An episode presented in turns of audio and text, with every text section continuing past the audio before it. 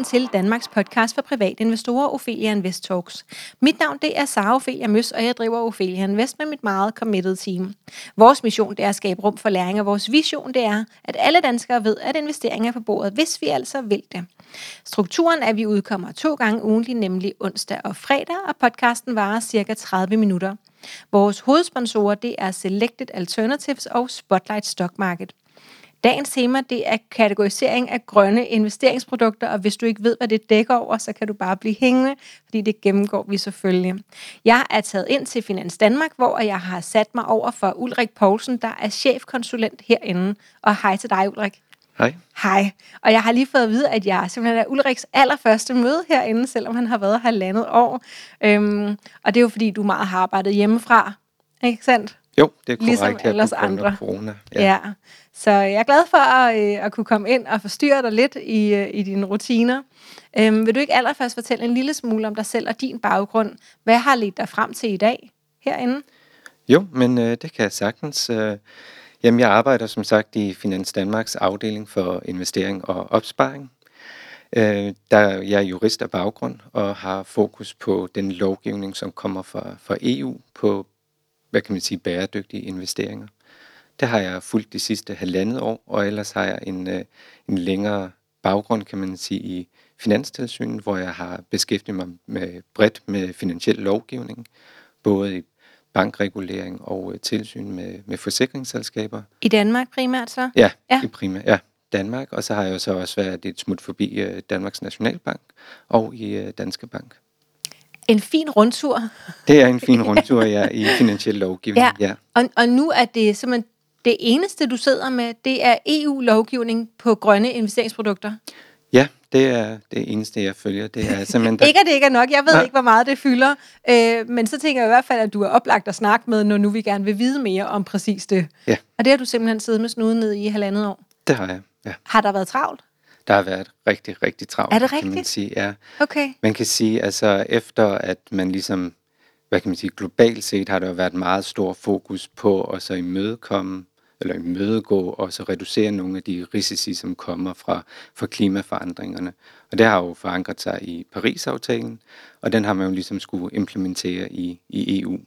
Og det har man gjort i EU's, øh, kan man sige, klimalov. Og der har man sat en ambition om at ligesom reducere CO2 med 55 procent frem mod 2030. 65? 55. 55 procent ja, frem mod 2030. Ja, og så har man så, kan man sige, en overordnet ambition om, at EU skal være det første klimaneutrale kontinent i, øh, i verden, øh, senest i 2050. Så det er jo høje ambitioner, kan må man, man sige. sige. Og så har de jo lavet en gap-analyse, eller hvad, og ligesom identificeret, at der er et investeringsbehov på over 350 milliarder euro om året frem mod 2030, for at man kan nå i mål Wow. med, øh, med de reduktionsmål, som man så har sat sig i EU. Og derfor har de jo lavet en stor handlingsplan og Ja. iværksat en lang række initiativer, som ligesom skal gøre EU klimaneutralt. Og det var så øh, alt for denne halve time. Ja. det var et, en hurtig opsummering af alt det, jeg tænker, vi skal snakke om. Så ja. Ja. lad, os, øh, lad os dykke ned i det. Mm. Øhm, nu starter vi lige helt fra, øh, fra toppen til alle de lyttere, som måske ikke er sådan helt inde i, hvad bæredygtig overhovedet dækker over. Så kan du ikke lige starte med at fortælle, hvad dækker begrebet bæredygtig egentlig over i en investeringssammenhæng? Jo. Jamen, overordnet betyder det egentlig, at man ud over finansielle forhold øh, inddrager miljømæssige og sociale hensyn og hvad kan man sige, ledelsesmæssige aspekter, når du investerer. Så Øh. ikke, fordi jeg tænker nogle gange, eller nogen kan måske godt tænke, at hvis det er bæredygtigt, så er det bare miljø. Men det er det langt fra. Det er ikke kun miljø, det er også sociale forhold, og så kan man sige, så er det også, at man skal kigge på de selskaber holistisk set, som man investerer i, og de skal altså overholde nogle, kan man sige, grundlæggende principper for god selskabsledelse, og det kan være både, at de overholder national skattelovgivning, og at de har nogle gode arbejdstagerforhold, og i den, i den dur, kan man Ja. sige. Øhm, meget fint, øh, men er- er det holistisk, altså det er hele vejen rundt om selskabet, at, øh, at de skal kigge investeringsforeningerne og, og andre, forestiller jeg mig, det er dem, der skal kigge på det. Ja, det er dem, der ligesom vil, Overordnet, vil ja. fokusere på det. Øhm, kan, du, kan du fortælle lidt om de tendenser, der har været frem til i dag? Jeg tænker, det har du formentlig også rigtig godt styr på, selvom du kun har siddet lige med det her meget specifikke område i halvandet år. Der har jo været Øh, nu slynger jeg bare udtryk øh, CSR, ESG, SDG, FN's verdensmål. Så hvis vi starter sådan øh, en for en, så vil du måske forklare, hvad de betyder. Så først har vi CSR. Ja, altså CSR er Corporate Social Responsibility, og det er egentlig, kan man sige, sådan det grundlæggende, altså god selskabsledelse for virksomhederne. Altså de har et grundlæggende ansvar for at så tage hensyn til, til miljø og sociale forhold, når de ligesom kan man sige, driver deres forretning. Og det er jo egentlig meget, kan man sige, også bæredygtighed øh, i, i bred forstand. Øh, så man har det også på, øh, kan man sige, investeringsområdet, der har man SRI, øh, bruger man det også, Social Responsible Invest, Investing. Okay, det har jeg ikke hørt før, jo. SRI. Ja. ja, så der har man det også, hvor man jo også går ind og ligesom forholder sig til, til de virksomheder, man investerer i, og så hele tiden følger op på, om de også kan man sige, efterlever de principper for god selskabsledelse, man selv har sat sig, og enten indgår i en dialog med selskaberne, hvis der sker nogle brud på nogle normer, som man ikke som investor synes er okay. Og man kan jo selvfølgelig også via aktivt ejerskab gå ind og, ligesom, og så skubbe dem i den rigtige retning, kan ja. man sige. Øh, og hvad så med ESG?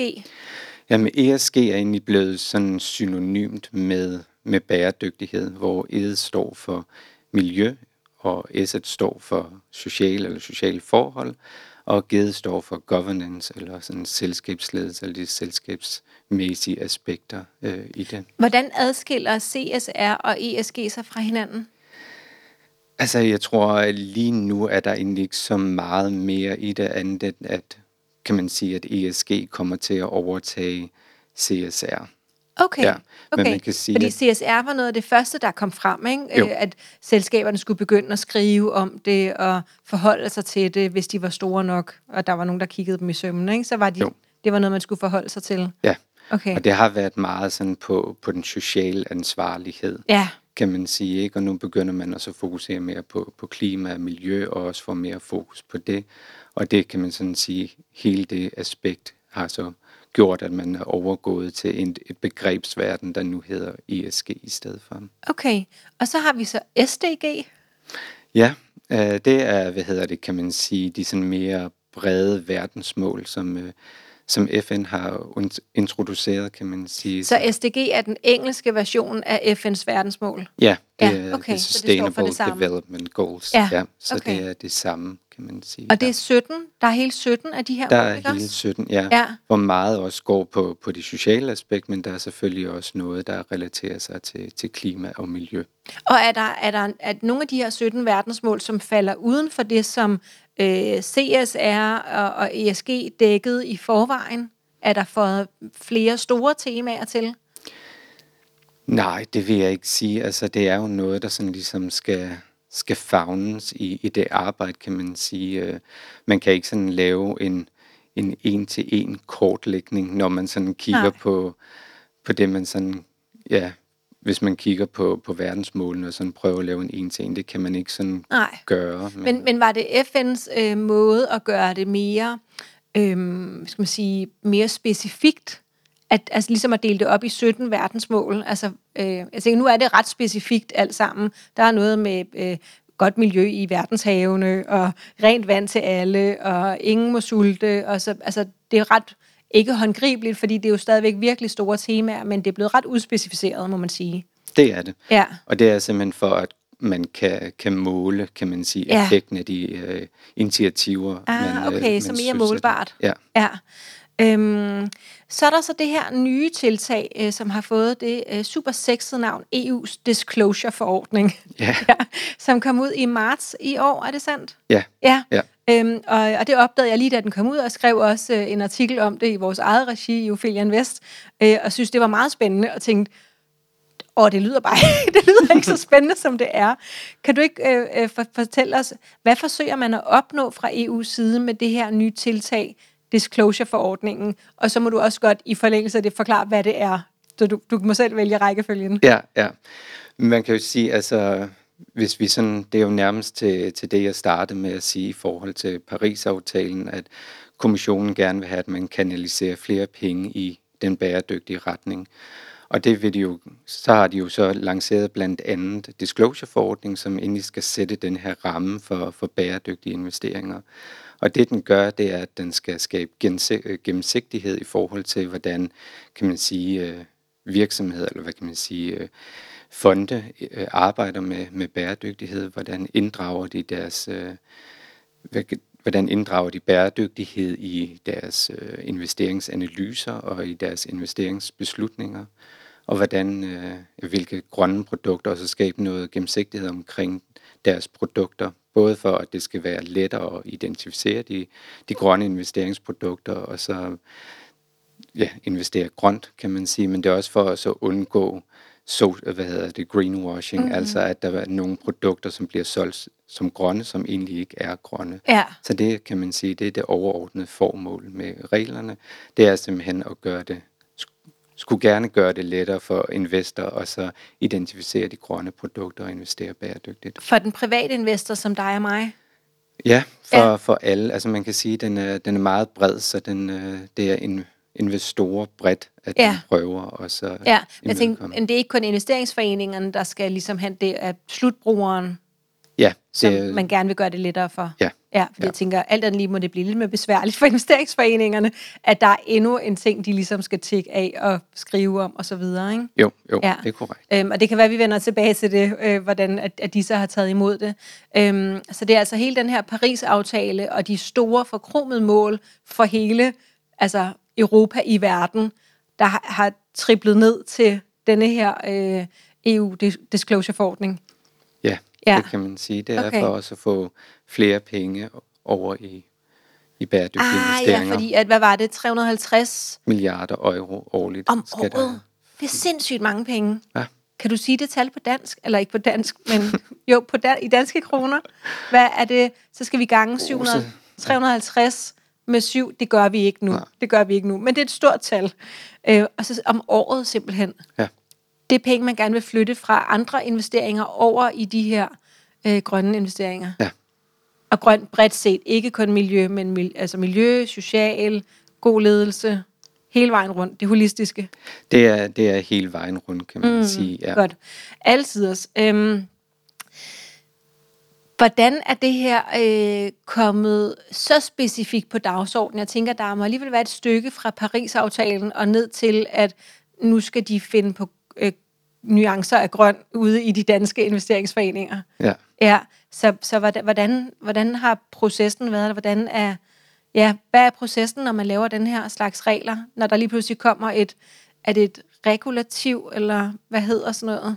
Ja, nu det er, er det jo en forordning. Hedder ja, det, bare det en er forordning? en forordning, ja. Okay. ja. Man kan sige, at på, i EU skældner man mellem en forordning og et direktiv, ja. hvor at forordningen er direkte gældende i Danmark, uden kan man sige, at den skal indarbejdes i dansk lovgivning. Okay. Og et direktiv, der er sådan lidt flere valgmuligheder i. Så det er lidt directions, altså ja. der sætter man en retning, som man opfordrer folk kraftigt til at følge. Ja, det skal så implementeres okay. i national lovgivning. Ja. ja. Men det er en proces, der tager noget tid. Det her, ja. det er bare, vi laver det, I følger det nu. Ja. Okay. Men fedt. selvfølgelig tager det jo også, øh, altså processen derhen har jo selvfølgelig også været lang, ja, ja. kan man sige først. Ja. Laver. Og hvad er processen så, Ulrik? Jamen altså, lige netop på, på hele den bæredygtige dagsorden, jamen der kan man sige, efter man tiltrådte Paris-aftalen, så nedsatte kommissionen en, en ekspertgruppe, som ligesom skulle komme med anbefalinger til, hvordan man ligesom kunne sikre den bæredygtige omstilling af økonomien i EU.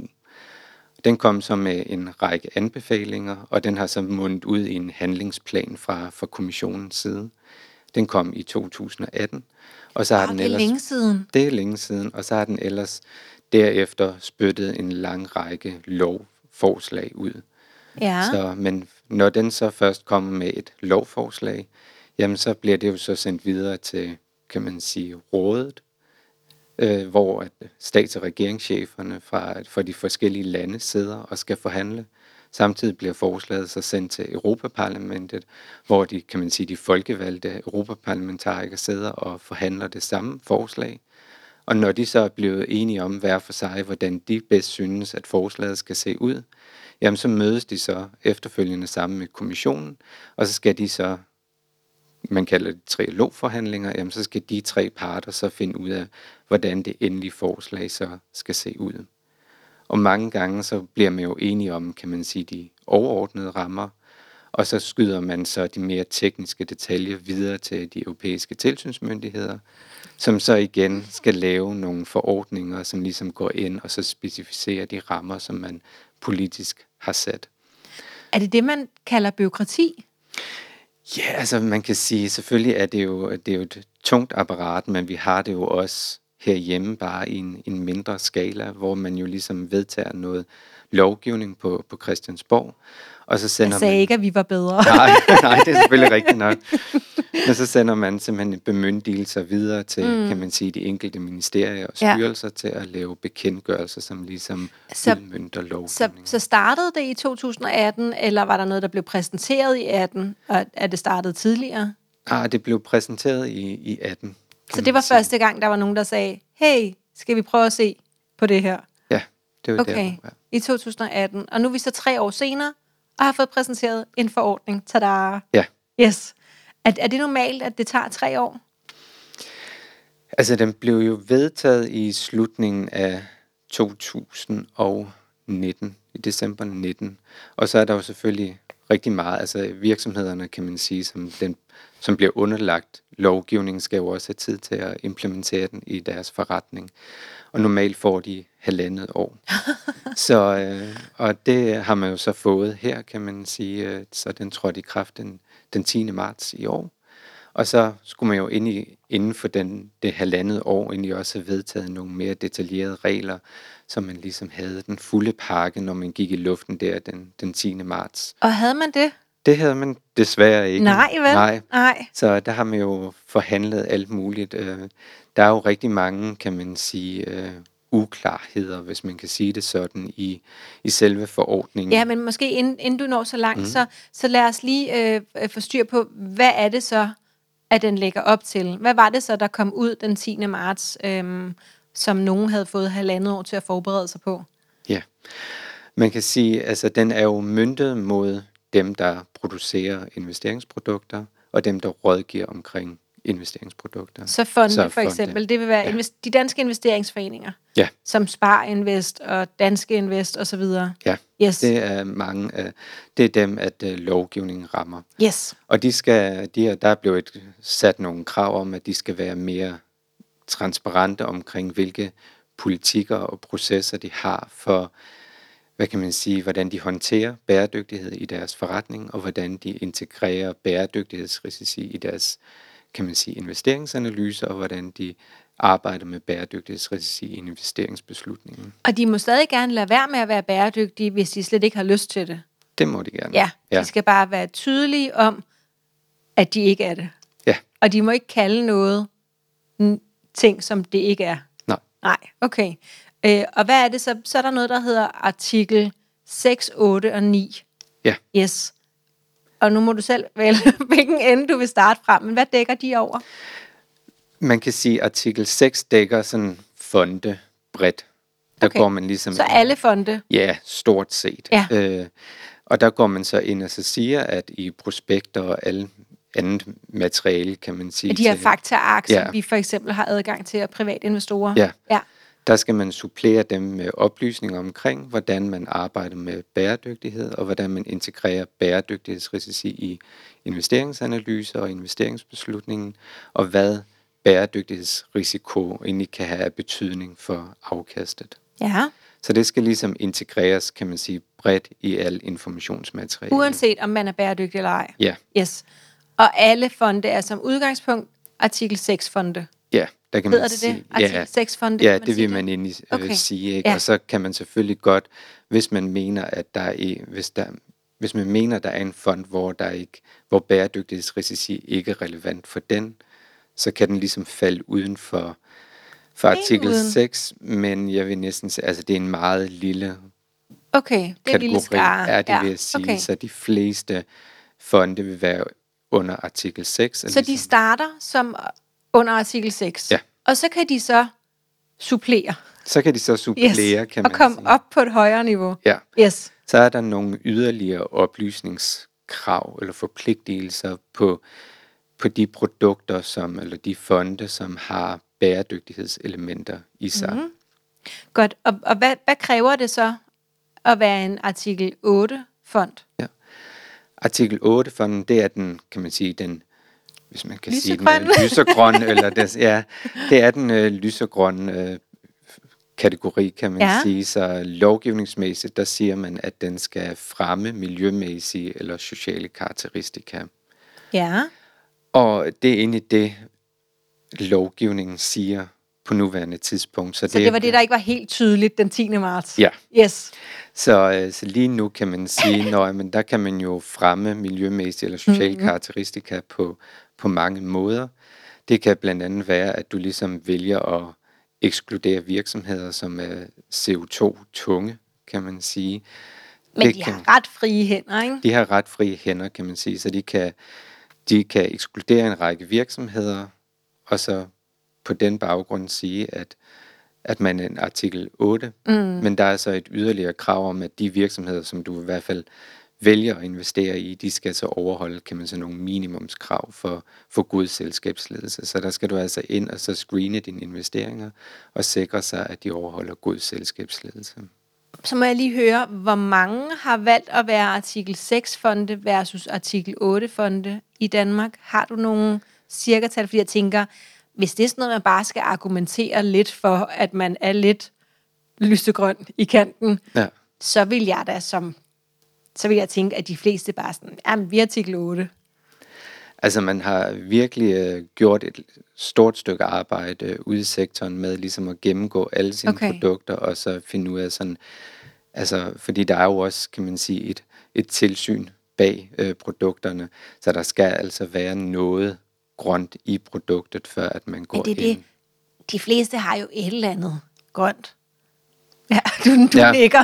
Så, men øh, jeg har Okay, er der ikke- nogle artikel 6-fonde derude? Ja, der, er- der er mange, kan man sige. Det er ikke, Okay. okay. det er ikke sådan 100% artikel 8. Okay. Øh, slet ikke. Okay. Men jeg har ikke et øh, eksakt tal Nej. På det. Altså man kan sige fra vores europæiske brancheorganisation, at man ved at så prøve ligesom at så samle nogle tal Mm. bredt, så man ligesom Ja. ja. kan se, hvordan ser landskabet ud. Ja. Øh, Og det gør I vel europæisk også set. på et tidspunkt, Ja. Finans Danmark? Ja, ja. Hen ad vejen. De skal også lige have lov til at kategorisere sig selv, ikke sandt? Jo, altså kategoriseringen er egentlig sket her per, per 10. marts, så du vil Okay. altså godt kunne gå ind og så kigge i prospekterne og så se, hvordan de har, I hver har enkelt fond. kategoriseret sig. Ja. Yes, okay. Ja.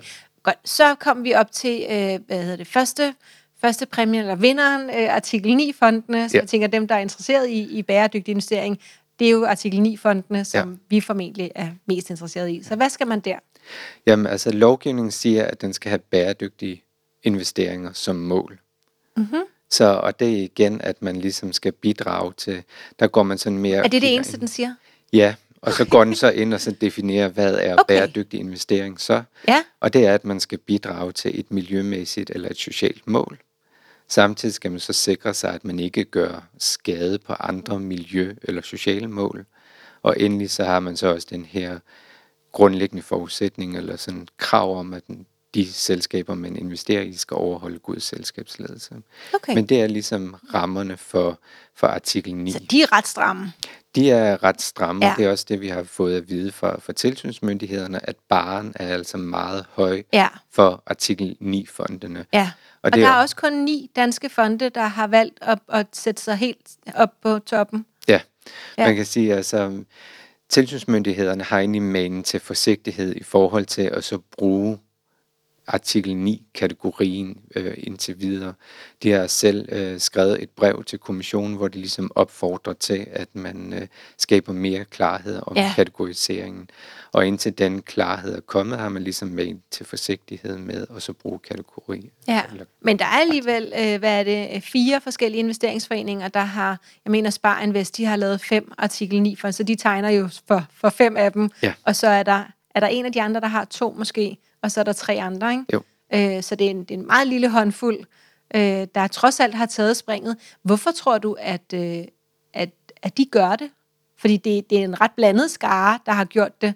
Altså det er både en, at du ved, du- relativt sige, populær investeringsforening som Sparinvest, øh, men også nogen, der er, er, som der ikke bliver snakket så meget om. Mm-hmm.